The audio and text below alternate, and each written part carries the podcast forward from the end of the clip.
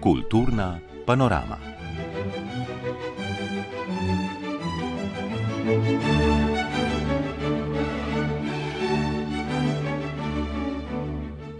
Drage poslušalke, dragi poslušalci, lep pozdrav. Kandidatka za ministrico za kulturo je umetnostna zgodovinarka Asta Vrečko iz stranke Levica. Ime nove ministrice je javnost izvedela med zadnjimi. Čakajo veliko odprtih vprašanj iz preteklih mandatov. Če vam po pravici povem, največja ovira je to, da so se ministri menjavali tako pogosto. Ja, Asto Vrečko čaka 30 let nespremenjen uh, kulturni sistem. Mednarodni muzejski dan je potekal v senci dogajanja v Ukrajini, saj je bilo v vojni uničenih več kot 195 kulturnih objektov. Med njimi seveda je kar nekaj muzejev, ki so nepovratno uničeni, zažgani in tudi dediščina v požarih popolnoma uničena. Znani so dobitniki Valvazorjevih odličij, nagrado za življensko delo bo prejela Alenka Domjan. Predsednik države Borod Pahor je Robertu Valtlu podelil red za zasluge, galerija Ekurna v Ljubljani je rdeča, Arne Brejc in njegov oče Tomaš Brejc sta pripravila skupinsko razstavo Rdeča si Ingeret. Zavod za sodobno umetnost Brida iz Šempasa prireja četrti festival Ror, teden ljubiteljske kulture pa je letos posvečen filmu. So dogodki, ki jih izpostavljamo v mozaični oddaji.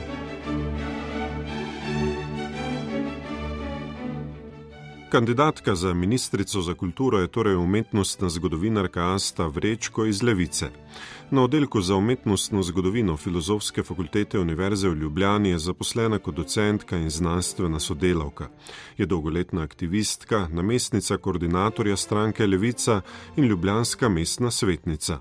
Ime nove ministrice za kulturo so v umetniških krogih nestrpno pričakovali.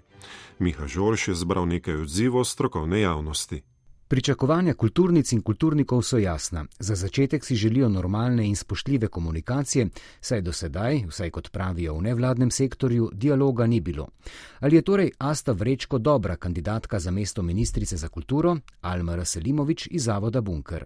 Ja, jaz mislim, da je Asta Vrečko absolutno dobra izbira za ministrico za kulturo. Uh, tukaj ne ciljamo samo na njeno pač nesporno strokovnost na njenem strokovnem področju. Um, ampak tudi na to, da prihaja iz stranke, ki je imela narejen nek relevanten kulturni program, da predvidevamo, da ima tudi neke kulturno-politične izkušnje in pa seveda, da ima tudi izkušnjo, kako je, bit, kako je delati v kulturni instituciji ali pa kako je biti samo zaposlen na področju kulture. Alma Rselimovič ob tem izpostavlja, da bi bilo treba kulturi dolgoročno nameniti 2,5 odstotka proračuna in še. Uh, želimo si uh, nov sistemski pristop k kulturi, torej nov nacionalni program za kulturo, za katerega si želimo, da bi bil narejen v nekem širokem dialogu s celotno sceno in pa tudi z vsemi uh, prebivalci Slovenije, uh, da bi imeli mogoče neko bazo, na kateri lahko gradimo in na katero se lahko sklicujemo in za katero bi skupaj z njo vsi stali. V preteklem času smo slišali veliko kritik na račun prejšnjega ministra, da dialog ni potekal, da sogovornika praktično na ministrstvu um, ni bilo. Ali menite, da bo ona oziroma njena ekipa dobra sogovornica? Ja, mi računamo na vzpostavitev formalnega dialoga, ki je včasih potekal prek dialoških skupin, ki so trenutno pač, vem, spijo ali so v mrtvilu, in pa tudi na vzpostavitev neformalnega dialoga, torej na, na, celoten, uh, na celotnem spektru in da se formalizira dialog s posameznimi interesnimi skupinami ali pa sektorju in to, da se pač tudi na neki ravni komuniciranja z javnostjo, da se stvari um, predebatirajo, preden se sprejmejo, da imajo nek konsens vsaj na določenih področjih. Koliko politične moči ima po vašem Asta Vrečko? Um, to je nekako naša ključna skrb, uh, ki ni povezana z Asto Vrečko osebno, ampak je povezana z sektorjem in z neko prihodnostjo. Um, ki se je ne bojimo, ampak bi jo pa želeli uh, pričakati pripravljeni. Uh, kultura običajno ostane ob robu eh, vladne pogajalske mize in tukaj želimo njej, uh, stranki in pa celotni vladi, uh, da bi kultura imela politično moč pri pogajanju o. Um, Pri sprejemanju večjih in strateških odločitev, in pa seveda tudi pri borbi za proračun. Umetnost in kultura naj torej zauzameta pomembno družbeno vlogo, vlada pa naj to končno prepozna kot eno od prioritet. Tudi strokovna javnost z področja filma in audiovizualnih umetnosti ima velika pričakovanja.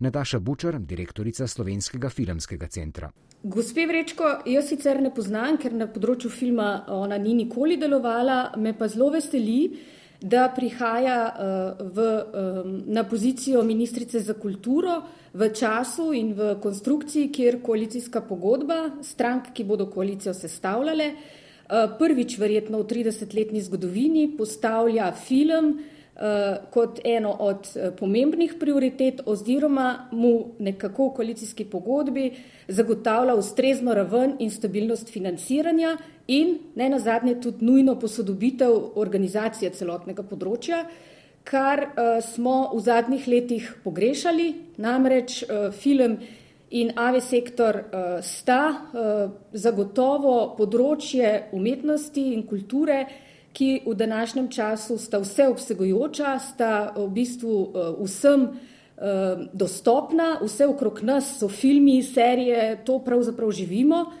in mislim, da tudi v Sloveniji je čas za res, da se temu sektorju da večjo pozornost. A Nataša Bučar ob tem opozarja na slabo sporočilo, ki ga je prejela javnost, namreč, da smo ime kulturne ministrice dobili med zadnjimi.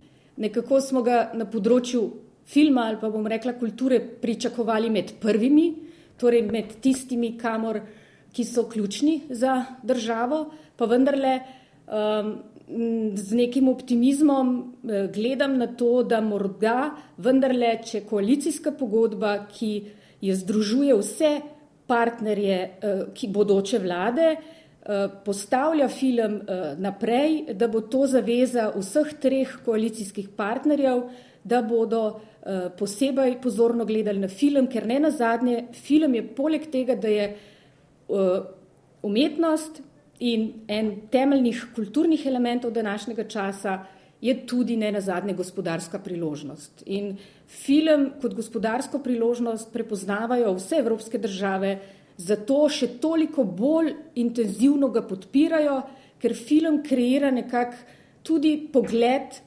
nas, samih na nas same. Nekako te zgodbe, ki jih film govori, govorijo o družbi, v kateri živimo, uh, govorijo o času, v katerem živimo in samo domače lokalne zgodbe lahko ponudijo tisto pravo iskreno identifikacijo slovenskemu občinstvu, kdo smo in kam gremo. V koalicijski pogodbi je med drugim zapisana zaveza o desetletnem investicijskem programu vlaganj v kulturno infrastrukturo, ki bo naslovil zatečene projekte. Ravnateljica Ljubljanske drame Vesna Jurca Tadal pričakuje hitre in jasne odločitve glede investicij v kulturno infrastrukturo. Jaz bi rada se seveda ozrla predvsem na nase, sama nase, eh, glede na to, da vemo, v kakšnem stanju je stavba SNG drama. Uh, mislim, da sploh ni več vprašanje, Ali je potrebno prenove, to je zdaj že ugotovljeno na splošno. Eh, vprašanje je samo, v kakšnem obsegu bo ta prenova potekala in kako hmalo.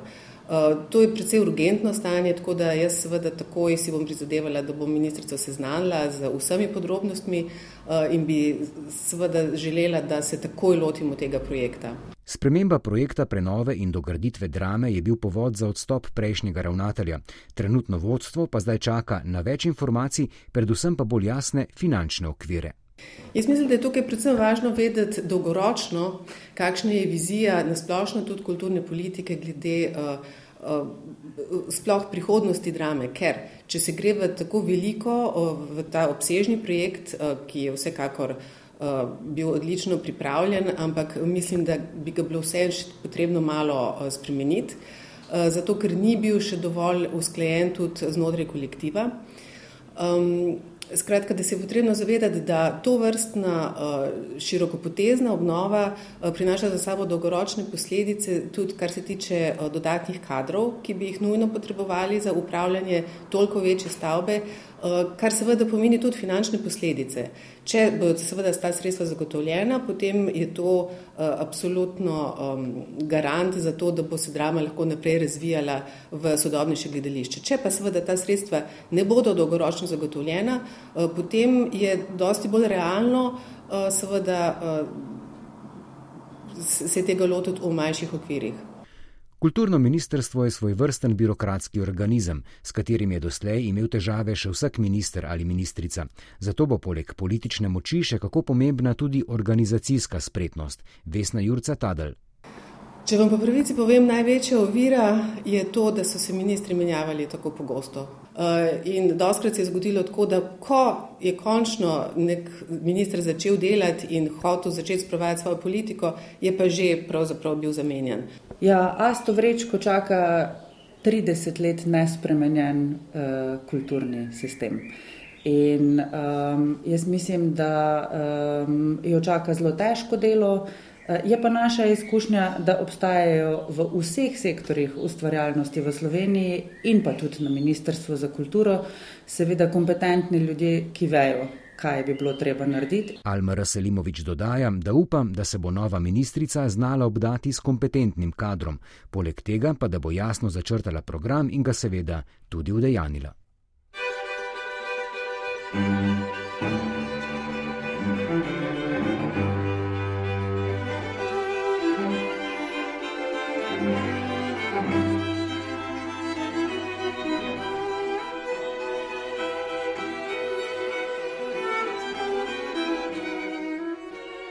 Ob sredinem mednarodnem muzejskem dnevu so lahko obiskovalci do večera brezplačno preverili dogajanje in vsebino številnih slovenskih muzejev in galerij.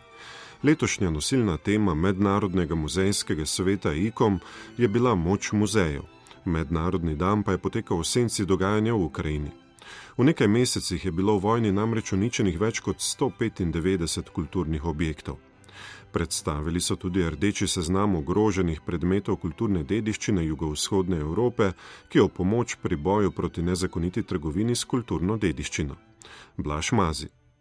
Moč muzejev, moč spominjanja preteklosti, moč pojasnevanja sedanjosti in moč muzejev kot svarilo pred prihodnostjo, ki se ne sme ponoviti. Muzeji se zavedajo vloge in pomena, ki ga imajo, ter poslanstva na nacionalni, regionalni in lokalni ravni, pravi predsednica Mednarodnega muzejskega sveta IKOM Slovenija, dr. Kaja Širok.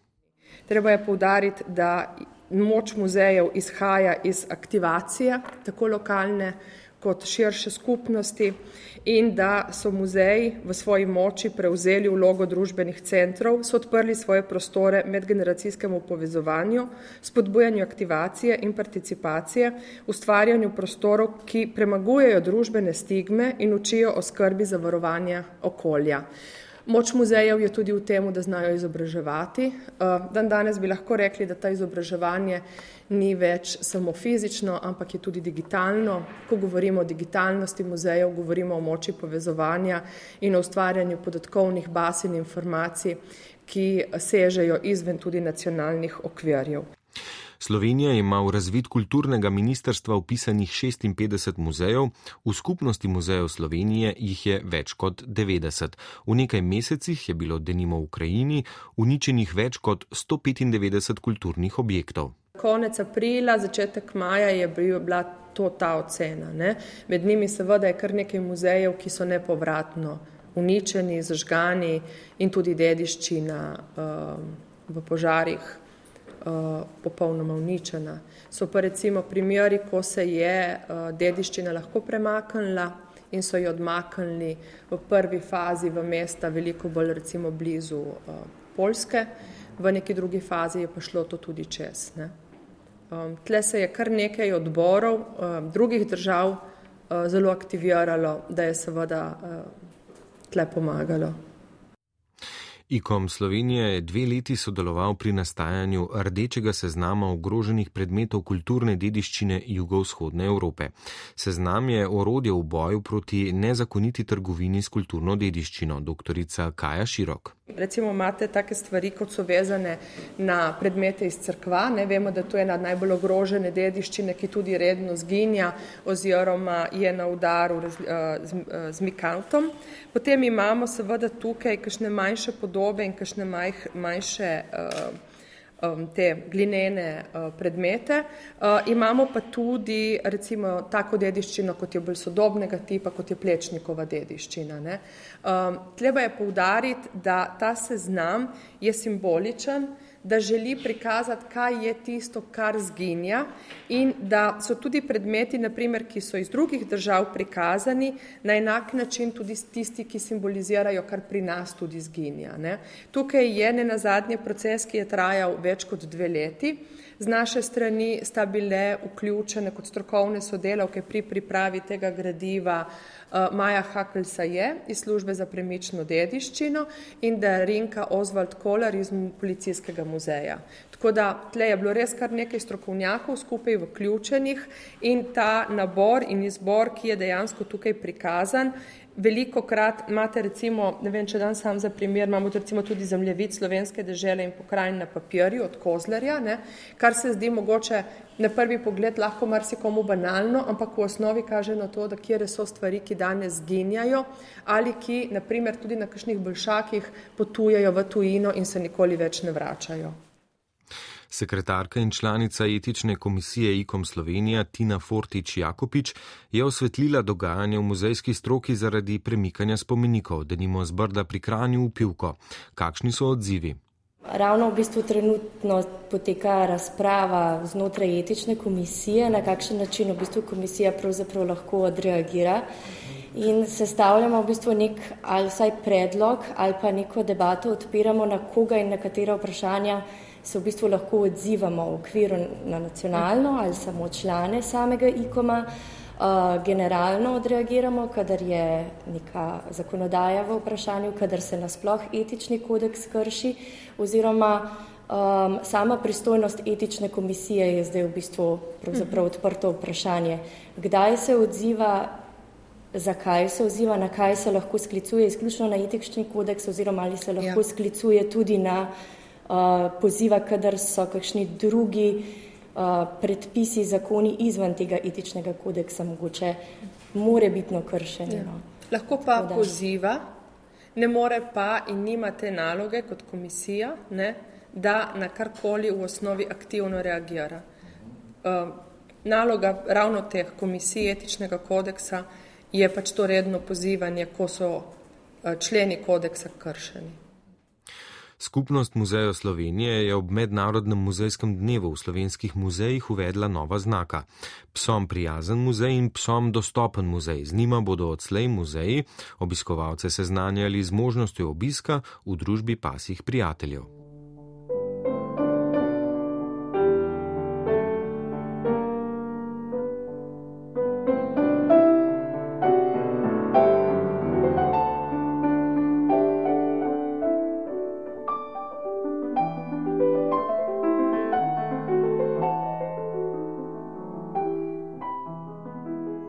Slovensko muzejsko društvo je na Mednarodni dan muzejev razglasilo prejemnike Valvazorjevih odličij za leto 2021. Nagrado za življensko delo bo prejela magistrica Alenka Domjan. Razglasili so tudi prejemnike nagrad za enkratne dosežke, Valvazorjevega naglja in častnih priznanj. Več o odlikovanjih, ki že 51. izpostavljajo osrednje muzejske projekte preteklega leta, pa Iza Pevec. Alenka Domjan, letošnja nagrajenka za življensko delo, je z več kot 300 razstavami slovenskih in tujih avtorjev zaznamovala predvsem celje in Savinsko dolino. Diplomirala je iz umetnostne zgodovine in arheologije, magistrirala pa z področja umetnosti novega veka. Leta 1977 je začela delati kot kustosinja v likovnem salonu Celje, ki ga je tudi vodila. Zaslužna pa je tudi za vzpostavitev galerije sodobne umetnosti leta 1993, ko se je odprla možnost za nove prostore.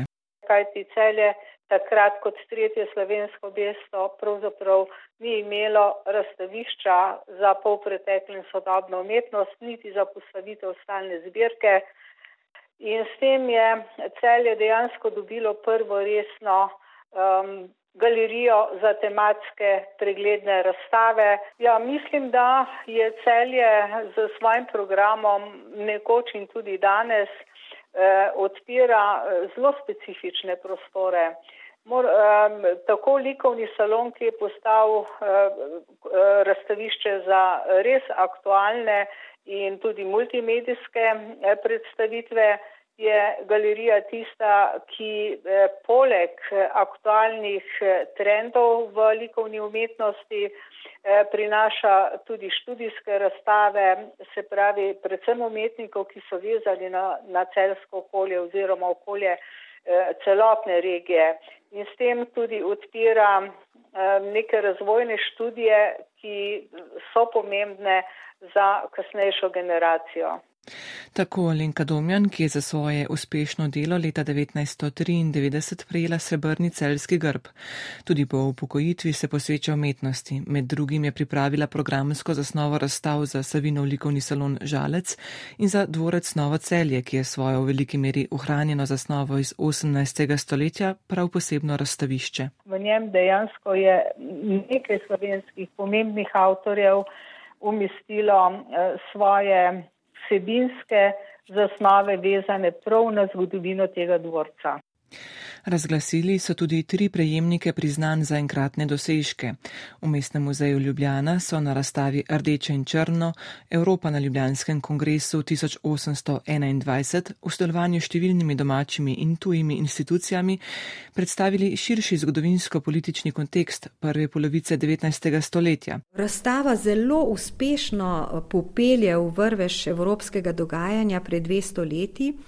S pomembno umestitvijo Ljubljane v ta dogodek, namreč Ljubljanski kongres je pustil pečat kot osrednji evropski državniški in diplomatski dogodek, prav tako nas eh, razstava nekako popelje v duh tistega časa, v duh novih liberalnih idej, ki so takrat odzvanjale, v Napolove onove vojske, v uh, različna umetniška snovanja tiste dobe in seveda predvsem v Ljubljano kot središče tega Ljubljanskega kongresa, ki je pustil posledice praktično do današnjih dni tako Marijetka Balkovec-Debevec, predsednica komisije.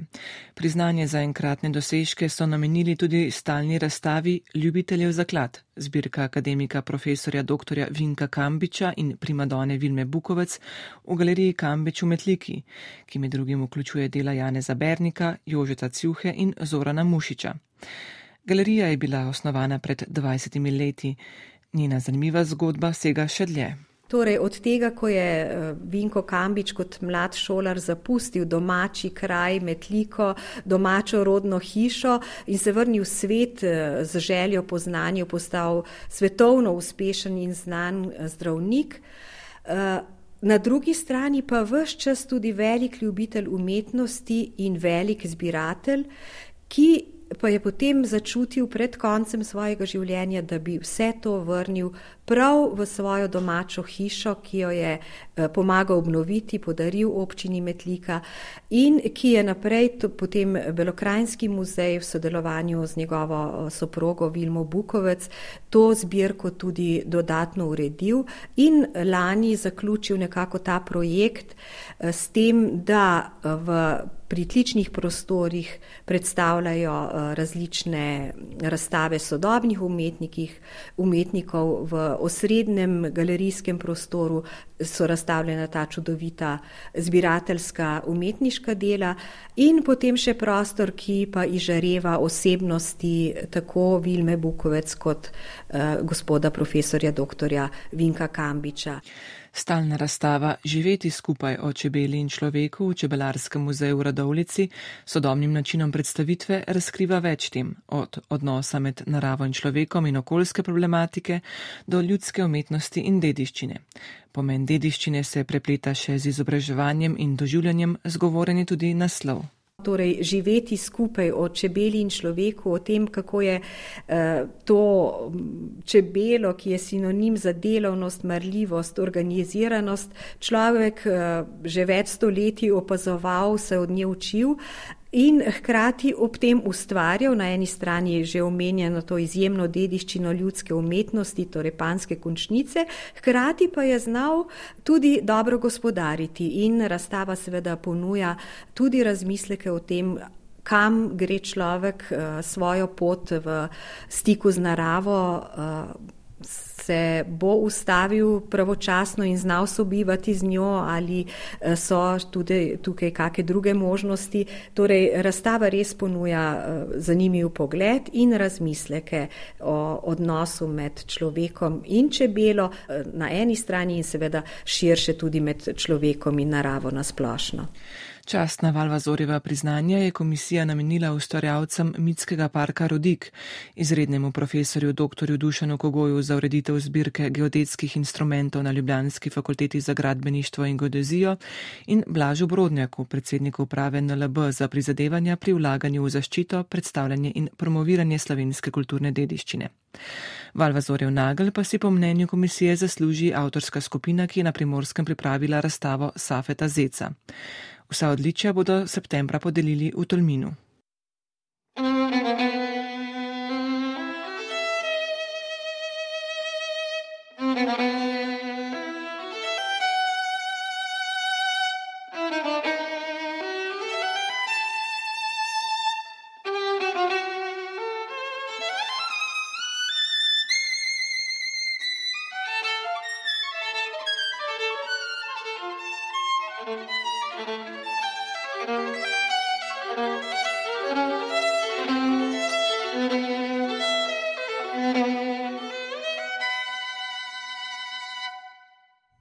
Robert Vantl, ki se je najprej posvečal ljudkam, je igralec, animator, režiser, umetniški vodja, že leta tudi direktor mini teatra na Križevniški ulici v Ljubljani, nekdanje življensko in kulturno okolje templjarjev, ribičev in literarnih salonov, s svojimi sodelavci bogati s številnimi gledališkimi dogodki za otroke in z repertoarjem postdramskega gledališča.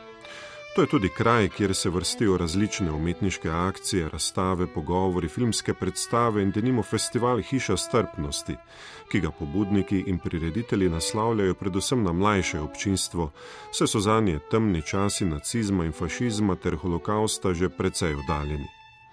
Pred dnevi mu je tako predsednik države Borut Pahar uročil državno odlikovanje red za zasluge, za izjemni prispevek spominjanju in ozaveščanju o holokaustu in pomenu strpnosti ter za dolgoletno delovanje v gledališki umetnosti. Na Križevniški ulici, ki bo leto zaživela v znamenih arhitekta Jožeta Plečnika in pesnika Karla Destovnika Kajuha, se je z Robertom Valtlom srečala Magda Tušar. Na Križevniški ulici se tako srečujejo zgodovinska dejstva, spomini in pričevanja preživelih iz holokausta.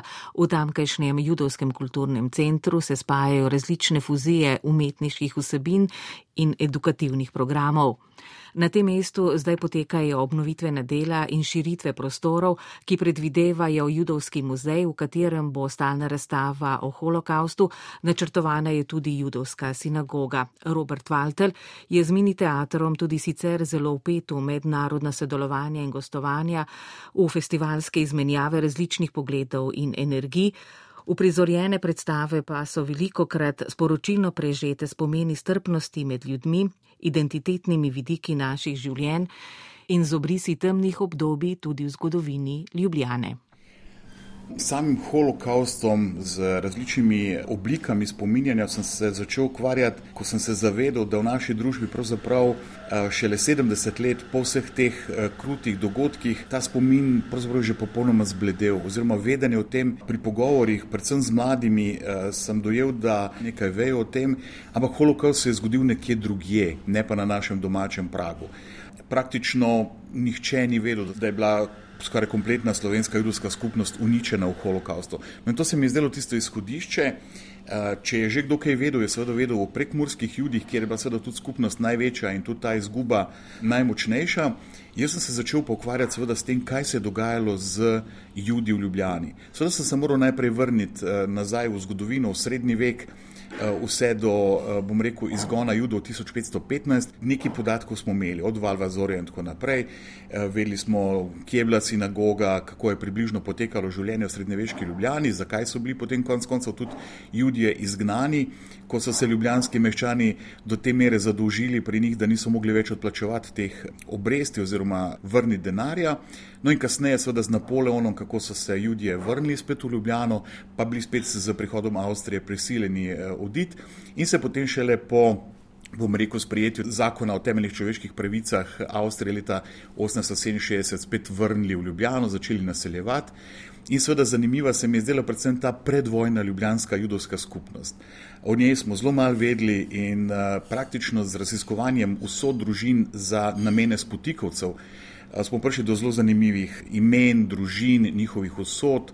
Ugotovili smo, da je bilo zelo veliko mešanih zakonov že pred drugo svetovno vojno v Ljubljani, kar je recimo za judovske skupnosti dokaj nenavadno. Um, ugotovili smo, da je veliko judov v Ljubljani uh, zaradi različnih seveda, razlogov spremenilo vero, konvertiralo že pred vojno. Uh, celo na začetku vojne imamo podatke, kako so si nekateri verjetno na nek način želeli rešiti življenje s tem, da bi se poročili z skratka, pripadniki drugih ver. In kako je Ljubljana oziroma Slovenija zelo unikatna po tem, da so poleg judov, ki so bili kasneje deportirani v taborišča, odpeljali tudi vse njihove nejudovske partnerje. To je dost, bom rekel, redek slučaj v Evropi, namreč Nemci so imeli to zakonodajo proti judovsko zelo temeljito razdeljeno in včasih je kakšen nejudovski partner uspel rešiti svojega eh, judovskega partnerja, potomce, otroke in tako naprej. No, Ljubljani ob izdatni pomoči eh, kvizniške domobranske oblasti so odpeljali vse jude, vse njihove nejudovske partnerje in kot neki še zelo grozljiv, tudi celoten odbor Rdečega križa. Pretekle izkušnje se v anksiozni sedanjosti soočajo s pesimističnimi napovedmi za prihodnost. Tu so vojne in begunske krize, strahovi pred drugimi ter zavračanje kulturno različnih od nas. Robert Waltl pravi, da je zelo pomembno pretekle resnične in tragične zgodbe ljudi preslikati na današnje razmere, holokaust in genocid videti v luči sedanjih begunskih tragedij. Na ta način sem hotel zdaj opozoriti pred to eh, ksenofobijo, rasizmom, ki se je začel v Sloveniji takrat eh, zaradi te begunskega dogajanja. Mogoče se mi je zdelo tudi zaradi eh, tega, ker se ukvarja z gledališčem, lažje s pripovedovanjem zgodb iz preteklosti govoriti o sedanjem trenutku. In mladi, moram reči, so bili pa posebej senzibilni na našem festivalu Hiša strpnosti, ko so se srečevali s preživelimi iz holokausta, ko so pred njimi stali zdaj že zelo, zelo stari ljudje nagubani, ki pa so doživeli holokaust v njihovih letih. Oni so se zelo lahko eh, poistovetili seveda, s temi zgodbami, se so bili te starosti, kot so bili eh, gospa Erika First ali pa Branko Lustig, takrat, ko so bili odpeljani v taborišča samo zaradi tega, ker so bili druge vere oziroma druge rase. Tako da to se mi je zdelo nekako zanimivo potem še nadgraditi z gledališkimi predstavami, ki smo jih eh, začeli delati, ne samo za najmlajše, kot recimo predstava Judovski pes, ki jo še zmeri uporabljamo kot eh, nek edukacijski program, ne samo kot rekel, predstavo, ampak res umetnost, ki jo uporabljamo tudi v vzgojne eh, namene ozaveščanja oziroma pomena ozaveščanja o, o holokaustu, ampak tudi recimo predstave, kot je bil naš razred, ki smo naredili v koprodukcijo z priširnim gledališčem in z mestnim gledališčem Ptuj, pa potem seveda z vsemi ostalimi eh, predstavami na temo holokausta, Jagodno dekle, potem pet kil sladkorja.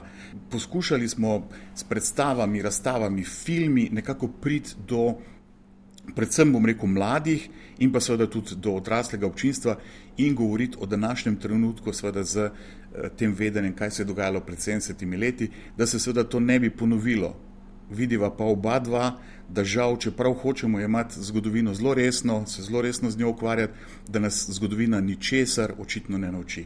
Da je ta pozaba že v drugi generaciji, da ne govorimo o tretji generaciji, že popolna amnezija in da se ponovno seveda dogajajo genocidi da se je zgodila Ruanda, da se je zgodilo, eh, zgodila Srebrenica, da se danes dogaja Ukrajina. Ljudje niso bili edini diskriminirani eh, skozi eh, stoletja človeške civilizacije. Seveda je genocid mogoče sigurno največje grozodejstvo človeštva, ki se je zgodilo, ampak ta grozodejstva se dogajajo tudi drugim.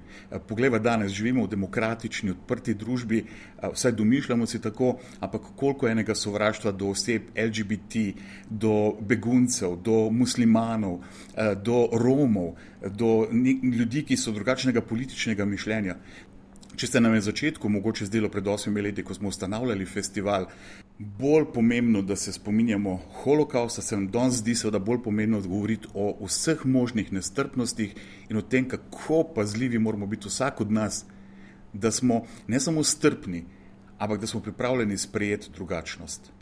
V tekmovalni program Boršnikovega srečanja mini teatr vstopa s predstavo Vsi ptice, ki tematizira mrsikaj odpovedanega.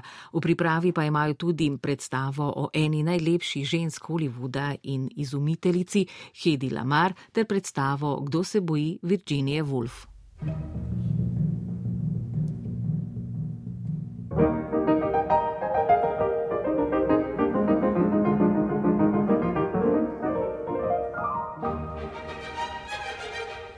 Ko vstopimo v prostore galerije Kurno v Ljubljani, nas skoraj prežarči močna rdeča barva, ki je morda bolj kot katerakoli druga polna simbolizma, metafor in asociacij, v nas pa lahko zbudi tudi močan telesni odziv. Arne Brejc in njegov oče, Tomaš Brejc, namreč na razstavi Rdeča, Singeret, predstavljata dela 16 umetnic in umetnikov, ki imajo vsaj za kapljo krvi rdeče barve. Iza pevec. Eksistencialna vsebina barve je seveda kri. Pri nas je to metonimično nalogo najbolje obvladal Mari Pregal, ki ni imel enakovrednega naslednika. Kadar slikarju uspe na sliki utelesiti rdeča kot kri, je to skrajni domet barve, ki sam po sebi ni ponovljiv. Vsakič ga je treba udejaniti scela in dokončno. In zato se v ponovitvah razplasti v klišeje. Tako v besedilu razstave Rdeča, Singret preberemo o eni od prvih asociacij ob tej barvi, ki se v delu Andreja Molotkina spoji s politično izjavo o vojni v Ukrajini. Ruski konceptualni umetnik je namreč v delo z naslovom Putin v ukrajinski krvi dejansko vključil kri, ki so jo darovali njegovi ukrajinski prijatelji in sodelavci. Portret je na razstavi predstavljen v obliki videa, spremlja pa ga tudi zvok bitja človeškega srca. Življenje oziroma kri je seveda zgolj ena od številnih simbolnih vrednosti rdeče barve. Veliko različnih odtenkov rdeče ne, je bilo skozi zgodovino na različne načine uporabljenih za doseganje različnih ciljev. Ne. Tako da vprašanje pa je, če, če ta rdeča danes še odgovarja vsemu temu, kar je pač nekoč pomenila. Ne. Jaz skoraj mislim, da ne. Mislim, da je danes da so danes drugi odtenki, no, ki, ki mogoče več pomenijo. No. Tako Arne Brejc razmišlja o spreminjajočem se naboju rdeče barve, za katero pravi, da danes ne vzbudi več tako močnih občutkov kot nekoč. Razstava predstavlja različne rdeče. Tu je med drugim še rdeča kot simbol seksualnih delavk v projektu Code Red Tadeja Pogačarja, v rdeči formaldehid potopljeni zarodek na fotografiji Gorana Bertoka, rdeča kot žarenje Ota Rimela, rdeča na sliki Dušana Kirbiša pa se zdi zgolj abstraktna barva le na prvi pogled, saj jo hitro obteži beseda očetomor v naslovu. Vedno se borimo proti temu, ne, da, da ne bi podobnih stvari dejali skupaj, zato ker potem pač je to in za gledalca, in za mentalno dojemanje te razstave zelo hitro postane dolgočasno. Ne. Plus to, da je še problem podobnih stvari, je tudi to, da se takoj začnejo primerjati. Ne. Avtomatično človek gleda pač primerja dve, dve deli, in če pač sta iz povsem drugega principa narejena, ne vem, če je ena modernistična, ena postmodernistična, če je ena fotografija, če je ena materializacija slike, če je ena koncept, če je druga družbeno angažirana, ne, če je ena politična in tako naprej, potem pač eh, imamo zven različnih parov in teh manifestacij in to se mi zdi, da je tisto, kar uh, naredi ta prostor potem zanimiv in, in možnost, da lahko dejansko dobimo nek uvid v, v to različnost teh rdečih, kar se mi zdi, da je tisto, kar dela stvar ne samo, da rečemo temu demokratično, ampak tudi zanimivo. Zaradi različnih rdečih galerijski prostor skoraj da zažari. Ideja, ki jo je imel Tomaš Brejc pri postavljanju te razstave, je, da je za izhodišče vzel Matisovo rdečo sobo in je bila ideja, da pač to rdeče žarenje iz sten ne, postavimo na ta način, da zapolni vso belino, ki je v tem prostoru. Ne, In na ta način je bila tudi ta razstava potem konceptualno postavljena. Zaradi tega dejansko gledalec dobi občutek, ne, da, da ga prežarči vse, ta, vse te odtenke rdeče. S tem, da jasno, tle imamo tudi pač, naprimer, delo Ksenije Črče, kjer je kot neke vrste stena, ne, če stopimo blizu, ne, boste videli, da to zagomazi, dejansko to za oči povzroča uh, en tak napad na, na očesne senzorje, tako da, da človeka potem, ne bom rekel, ravno znervira, ampak je neke vrste. Kaj bi, ona, kaj bi ona slikala lastno kri in ta utripa, in tako močno utripa, da te na nek način tudi uh, zrevoltira. No. Nekaj del je pač takih, ki so močno, močno rdeče. No. In se mi zdi, da tista še posebej mogoče izstopajo, oziroma na, na gledalca ne pustijo nek tak. Um, visceralen ali pa haptičen vtis. Razstava je sicer del cikla razstav, ki jih Arne in Tomaš Brejc namenjata barvam. Prva je bila črna, sledili sta še zelena in modra. Barve so vedno ohranjajo neko svežino in so odraz um, enega prostora, vedno nekako zaznamujejo nek prostor. Tako da se nam je zdel, da je vedno nekako uh, zanimiv narediti eno tako skupinsko razstavo, pregledno razstavo, Eh, mi da to imenujemo študijsko raziskovanje barve, kjer pravzaprav skozi različne poglede, eh, skozi različne poetike, skozi različne pristope in različne umetnike, ne, na nek način se postavlja vprašanje, ne, kako danes pač ta določena barva živi. Kako danes živi rdeča barva, si v galeriji Kurna v Ljubljani lahko ogledate do 30. junija.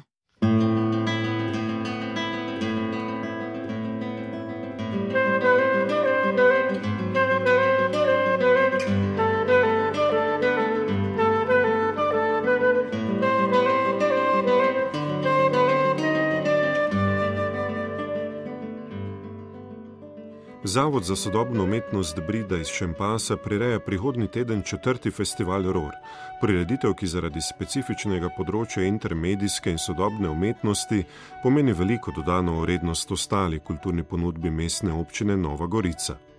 Več v naslednjem pogovoru s Sandy Mango, članice umetniške skupine Brida in Tatjane Gregorič.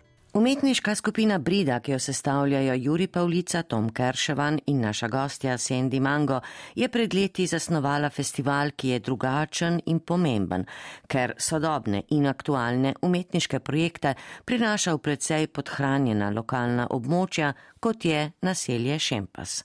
Prizorišči sta sicer še Nova Gorica in Gorica v Italiji. Na šestdnevnem festivalu pa sodelujejo priznane umetnice in umetniki ter strokovnjaki z področja razvoja robotike, sociologije, eksperimentalne glasbe, fotografije, literature, plesa in filozofije.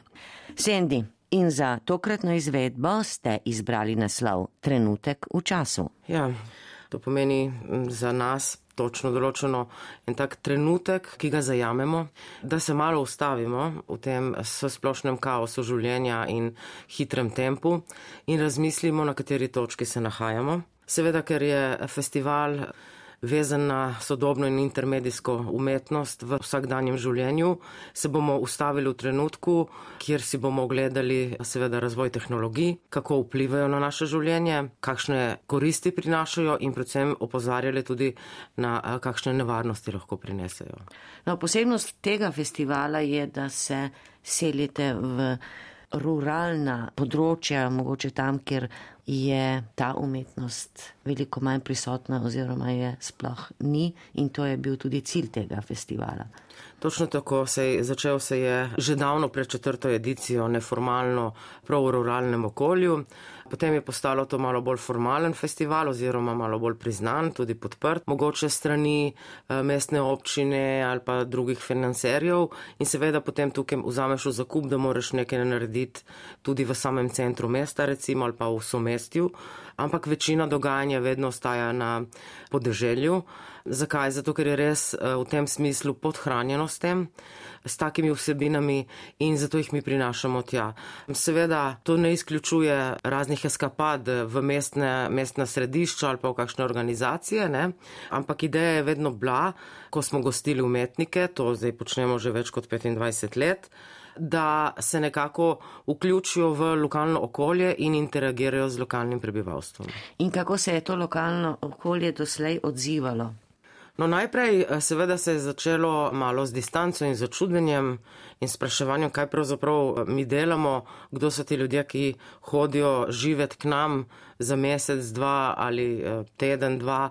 Potem so se pa začela razna približevanja. Zdaj imamo recimo eno tako solidno skupnost, ki se že prav veseli tega festivala in se veseli tudi gostujočih umetnikov. Imamo tudi sosede, recimo, ki ko slišijo, da na dvorišču se pogovarjamo v angleščini, hitro pridejo se z kakšnim pladnjem štrudlja in se vklopijo v pogovor.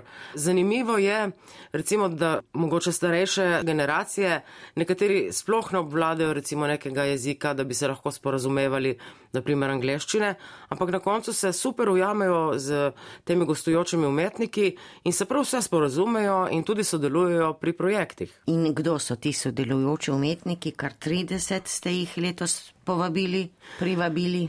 Ja, eh, zdaj jih ne bom naštevala vse poimensko, vse se vidijo na spletni strani festivala ali pa na plakatih, ampak recimo gre za skupine, ki prihajajo iz Kemnica, kar je pomembno zaradi eh, sodelovanja v sklopu Evropske prestolnice kulture. Kot vemo, je Kemnic leta 25, tako kot Nova Gorica, prestolnica eh, kulture.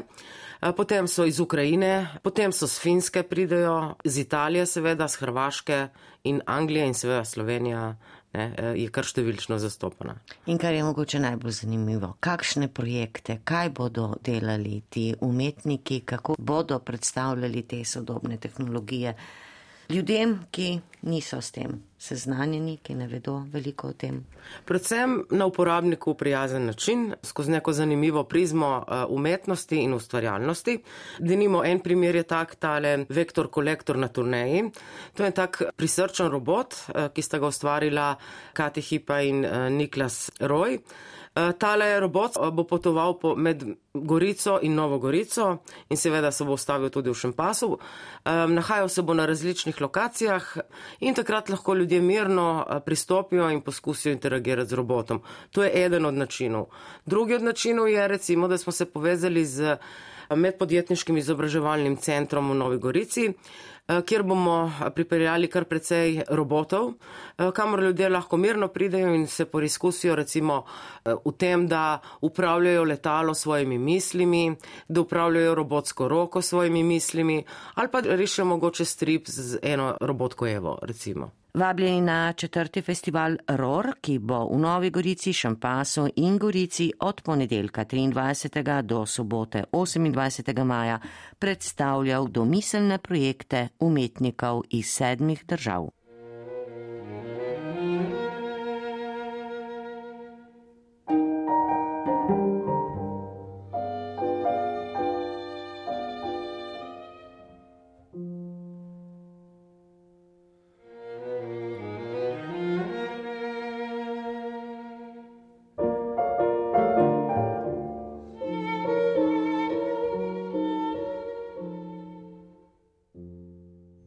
V Novi Gorici se je včeraj z otvoritveno slovesnostjo in začetkom festivala mladinske kulture začel tudi teden ljubiteljske kulture, deveti za povrstjo.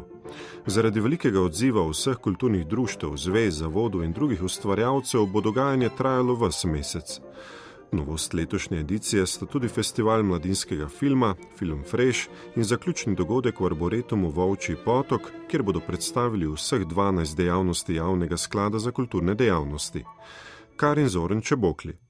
Namen vseslovenskega tedna ljubiteljske kulture je pod žaromete postaviti ljubiteljsko kulturo in njene ustvarjalce, ki jih je v Sloveniji skoraj 110 tisoč.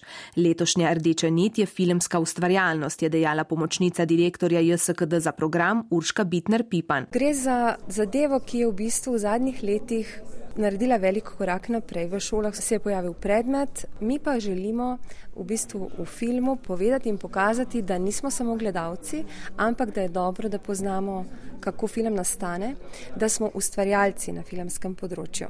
Sklad je uh, temu namenil tako otvoritveni dogodek, potem pa bomo nekako zaključili s festivalom neodvisnega filma, ki bo potekal v Ljubljani 28. in 29. maja v kinoteki. Takoj teden kasneje, se pravi 1. junija, pa skupaj z vidnimi predstavniki na področju filmske dejavnosti pripravljamo okroglo mizo, filmar naj bo, kjer bomo govorili prav o teh izzivih prihodnosti. Pod okriljem festivala Vizije je letos prvič zaživel festival mladinskega filma Film Fresh, producent za filmsko dejavnost pri JSKD Matjaš Šmalc. Filmska ustvarjalnost mladih do zdaj ni imela svojega prostora v smislu nekega svojega festivala. Mladi so se sicer lahko predstavljali v okviru, vem, recimo raznih ali lokalnih festivalčkov ali pa tudi konc koncev festivala neodvisnega filma, kjer pa so bili v konkurenci z kompletno neodvisno filmsko sceno. Zato smo nekako razmišljali o tem, da je nujno, da mladi dobijo nek prostor, ki lahko drug drugemu pokažejo svojo ustvarjalnost, da pokažejo svoj specifičen jezik, svoje specifično razmišljanje. In ja, pokazali se je ta res neizmerna eksplozija te ustvarjalne energije in zanosa. Prišlo je ogromno filmov, prek 80 filmov, ki se je prijavilo na ta festival, kar nas je prijetno presenetilo, ker smo se mal bali, glede na to, da je pač bilo to koronske dve leti, ne, nismo vedeli, kaj pričakovati. Dobili smo ogromno filmov, izbor je super. V programu imamo od uh, igranih, dokumentarnih, mokumentarnih pa do animiranih in eksperimentalnih filmov, kar me res veseli. Dokazuje tudi to, da so vse te zvrsti razvijajo sočasno in da mladi imajo to zavest, da film ni samo, ne vem, postavim se pred kamero in začnem igrati, da film ni samo, vzamem mobitel in posnamem nek video, ki ga dam na TikTok in to krstim za film, da film je več, film ima svojo estetiko, svojo poetiko, da ima svoj filmski jezik, svoje zakonitosti, ki jih mladi se učijo, ne bom rekel obvladajo, ampak se zavedajo jih in se približujejo temu, tudi se izobražujejo, stremijo k neki popolnosti in potem nastanejo filmi, se pravi filmi, ki so filmi in ne videi za na TikTok ali pa YouTube. V gledališkem delu viziji bo na ogled devet predstav, od tega tri lutkovne, je pojasnil producent za gledališko dejavnost Jan Pirnat. Vse predstave odlikuje avtorski pristop, kar je očitno pravi katalizator mladinske ustvarjalnosti. Večinoma gre za avtorske predstave, samo ena je nastala po besedilu, kar nas še bolj pripričuje, da je ravno to osnovalno avtorsko gledališče neka oblika, ki dijake in študente najbolj inspirira. V galeriji Tir Novogoriškega kulturnega centra Mostovna pa bodo na ogled fotografije izbranih desetih avtorjev v okviru fotovizij. Meja med ljubiteljstvom in profesionalizmom je veliko krat zabrisana, je dejal ambasador letošnjega tedna ljubiteljske kulture Gojmir Lešnjak Gojc, ki je povdaril. Ljubiteljstvo je prav počelo ustvarjalnosti, tako se je vse začelo, vse profesionalizacije so se zgodile pravzaprav v tem in prejšnjem stoletju. Do takrat pa seveda so ljubitelji tisti, ki so peljali ustvarjalnost, umetnost, kulturo. Ker kaj je kultura? Kultura, kultura je poplemenitenje človeka. In če temu sledimo, seveda so ljubitelji tisti, ki so nas pripeljali civilizacijsko tako visoko in seveda začuli potrebo, seveda, da se to določeni segmenti profesionalizirajo in potem so se ustanavljale akademije za vsa ta področja. Jaz mislim, da je več pozornosti treba posvetiti eh, ljubiteljem, ljubiteljski kulturi, ne jo omalovaževati, ampak ji nuditi tist prostor tudi v medijih, ki ji pritiče. Letošnja novost je dan JSKD Dobr dan, s katerim bodo 18. junija v Arboretumu Volči potok zaokrožili deveto edicijo. Direktor JSKD Damjan Damjanovič. Namen tega dogodka je predstaviti javni sklad kulturnih dejavnosti, z vsemi ustvarjalnimi panogami. Na enem mestu glasba, ples, folklora, vse ostalo. To pot pa želimo veličino JSKD-ja eh, pokazati in da pokažemo, kje smo in kaj smo v tej naši sredini, kaj pomenimo ljudem. Imeli bomo sedem prizorišč, kjer bo vsaka panoga predstavljena. Nastopajočih ocenjujemo, da bo preko 3000. Društva so povabljena iz cele Slovenije težimo k temu, da čim bolj decentraliziramo dogajanje in pa seveda, kot sem povedal, lovci, gasilci, čebelari in vse te ostale društva planinci sodijo v naš krok, kajti tema tega dogodka so otroci in pa eh, sredstva se bo izbirale za raka so bolele otroke na tretjega nastropa junaki v UKC-ju. Poleg omenjenih pa bo teden ljubiteljske kulture krojila še pestra paleta dogodkov, s katerimi bodo ljubiteljski ustvarjalci bogatili kulturno dogajanje v Sloveniji in zamestvu.